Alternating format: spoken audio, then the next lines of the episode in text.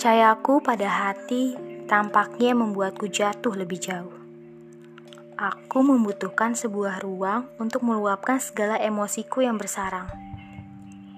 Aku membutuhkan sebuah sandaran untuk aku mengatakan sebuah kejujuran. Ini tak mudah. Rahasia yang selama ini aku pendam harus berusaha aku lontarkan agar tangisku bisa kembali diredam. Tentang menunggu, luka, dan semua yang terjadi di antara kita. Mungkin ibu jawaban yang selalu aku tunggu. Setiap kata yang akan terucap, aku susun agar ibu tak salah tanggap. Ibu masih berdiri di sana, menungguku untuk mengatakan kejujuran yang telah lama aku tahan. Ibu masih menunggu di sana dengan tatapan teduh.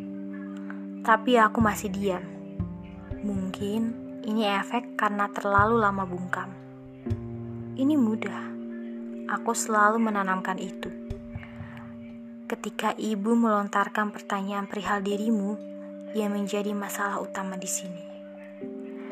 Candu yang sudah terlalu menggunung membuatku sulit jika harus mengatakannya satu persatu. Jadi, aku putuskan untuk meringkasnya dalam satu dua kalimat yang lebih mirip seperti sebuah premis. Cerita ringkas yang membuat lawan bicara menjadi begitu tertarik. Bedanya, ini bukan premis yang biasa ada di dalam imajinasi penulis. Ini nyata, bukan ekspektasi yang hanya berandai-andai. Kusebut namamu sebagai pemain utama dalam cerita ini Ibu yang tak percaya hanya menatapku dengan tatapan curiga. Kalau-kalau aku berbohong tentang perasaanku yang seolah mengada-ngada. Tapi kemudian ibu menatapku dengan tatapan lembut. Berharap semua yang aku rasakan tak berlarut-larut. Ibu memelukku hangat, memberi sinyal bahwa hari ini adalah waktunya aku untuk bergegas, meninggalkan apa yang pernah terjadi di antara kita, melupakan yang terjadi pada kita yang tak akan. Ibu mematahkanku sepatah-patahnya, tapi ibu selalu mengobati lukaku dengan sayapnya. Ibu hanya ingin aku berlari menuju masa depan bukan menunggumu yang tak ada lagi harapan.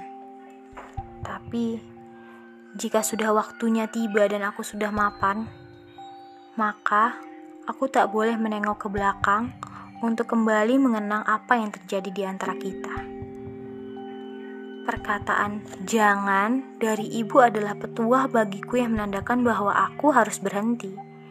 Berhenti berharap untuk sesuatu yang tak pasti Selamat tinggal untukmu mungkin bukan hal yang tepat sekarang jika kemudian aku dengan cepat menyesalinya. Tapi setidaknya aku lebih punya banyak tenaga untuk pura-pura bahagia. Menggenggam harapanku kembali meski tak seutuh sebelumnya.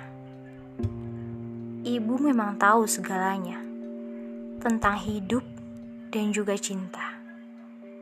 Ibu memang tahu segalanya.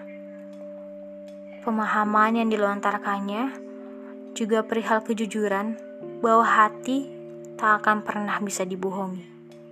Bogor, Desember 2015